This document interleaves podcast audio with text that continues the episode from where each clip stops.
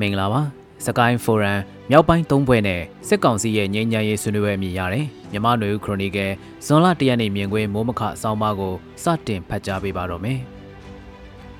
စကိုင်းတိုင်းထဲမှာလှုပ်ရှားနေကြတဲ့စစ်ကောင်စီကိုစန့်ကျင်တိုက်ခိုက်နေကြတဲ့လက်နက်ကင်တပ်ဖွဲ့တွေတပိတ်ကော်မတီလူမှုရေးဖွဲ့တွေပါဝင်စုဝေးပြီးစီးရေးနိုင်ငံရေးဆိုင်ရာကိစ္စရပ်တွေကိုအွန်လိုင်းကနေဆွေးနွေးကြတဲ့စကိုင်းဖိုရမ်လို့အမည်ပေးထားတဲ့ဖိုရမ်တစ်ခုကိုမေလ30နဲ့31ရက်နေ့မှာကျင်းပခဲ့ကြပါတယ်။ စကိုင်းတိုင်းတွေကလက်နက်ကိုင်တပိတ်ကော်မတီအရက်ဖက်အဖွဲ့အစည်းစုစုပေါင်း180ကျော်တက်ရောက်ခဲ့တယ်လို့ဖိုရမ်ကျင်းပဖို့စီယုံခဲ့တဲ့အဖွဲ့ကပြောဆိုထုတ်ပြန်ထားတာလည်းတွေ့ရပါတယ်။ရခိုင်နှစ်ကလေးကအဖွဲ့အစည်း30လောက်စူးစီးဆွေးနွေးပြောဆိုမှုတွေရှိခဲ့ရကအဆိုပါအဖွဲ့အစည်း30လောက်ကကမကထလုပ်ပြီးစုဝေးဆွေးနွေးကြဖို့ပြောဆိုကြရကနေအခုခါမှာတော့အဖွဲ့အစည်းပေါင်းရာကျော်တတ်တတ်မှတ်မှတ်ဖိုရမ်လို့အမည်ပေးကဆွေးနွေးမှုပေါ်ပေါက်လာတာဖြစ်ပါတယ်။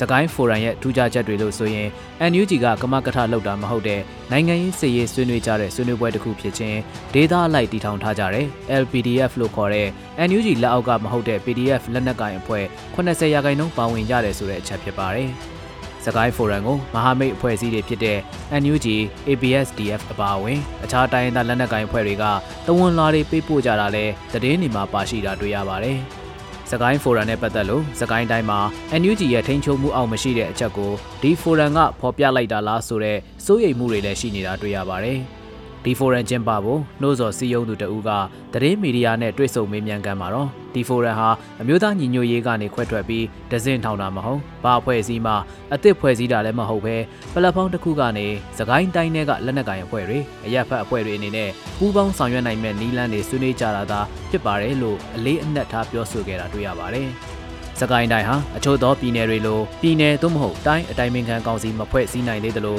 တိုင်းတွင်းမှာလှုပ်ရှားကြတဲ့လက်နက်ကိုင်ဖွဲ့စည်းတွေကြားနိုင်ငံရေးစစ်ရေးနီးလန်းတွေရပူးပေါင်းလှုပ်ဆောင်နိုင်တဲ့နီးလန်းစစ်သွေးရေးစနစ်တစ်ခုခုရှိဖို့လိုအပ်နေတယ်ဆိုတာကိုလည်းနှိုးဆော်ထားပါသေးတယ်။ ဒီဖိုရမ်ကျင်းပခြင်းဟာသခိုင်းတိုင်းအတွင်းတရွာသို့မဟုတ်တမျိုးကိုတဖွဲ့အနေနဲ့ရက်တီလှုပ်ရှားကြတဲ့လက်နက်ကိုင်ဖွဲ့စည်းတွေကိုစူးစီးပြီးနိုင်ငံရေးစစ်ရေးစူးစီးမှုတရက်အဖြစ်လှုပ်ဆောင်နိုင်ဖို့ရည်ရွယ်ထားတယ်ဆိုတဲ့အချက်ကထင်ရှားပြီးဖိုရမ်ကရလာတဲ့ဆွေးနွေးချက်အကြံပြုချက်တွေအကောင့်ထဲပေါ်ဖို့သဘောတူညီကြတဲ့အချက်တွေကိုဘလောက်ချိန်ကာလအတွင်းအကောင့်ထဲပေါ်နိုင်ကြမလဲဆိုတဲ့အချက်ကစိတ်ဝင်စားစရာကောင်းတဲ့ချက်ဖြစ်ပါတယ်။ ဒီနေ့ဖို့နောက်ကြောင်းရာတစ်ခုကတော့စစ်ကောင်စီရဲ့ငြိမ်းချမ်းရေးဆွေးနွေးပွဲအဖွဲ့နဲ့မြောက်ပိုင်းမဟာမိတ်သုံးပွဲတို့ရှမ်းပြည်နယ်မြောက်ပိုင်းမိုင်းလားမှာတွေ့ဆုံကြတဲ့တဲ့တင်ဖြစ်ပါတယ်။ဒီဆွေးနွေးပွဲဟာတရုတ်နိုင်ငံရဲ့ကမကထနှိုးဆော်မှုကနေထွက်ပေါ်လာတဲ့ဆိုတဲ့အချက်ကတန်တရားဖြစ်စရာမရှိပါဘူး။အခုလိုနိုင်ငံရေးခြေလှမ်းတွေနောက်မှာတရုတ်နိုင်ငံရဲ့တိုက်တွန်းမှု၎င်းရဲ့ဩဇာကိုအသုံးပြုပြီးတိုင်းသားလက်နက်ကိုင်အဖွဲ့ချို့ကိုလက်နက်ကိုင်တိုက်ပွဲတွေကနေတွဲဆုံဆွေးနွေးရေးလမ်းကြောင်းပေါ်ရောက်အောင်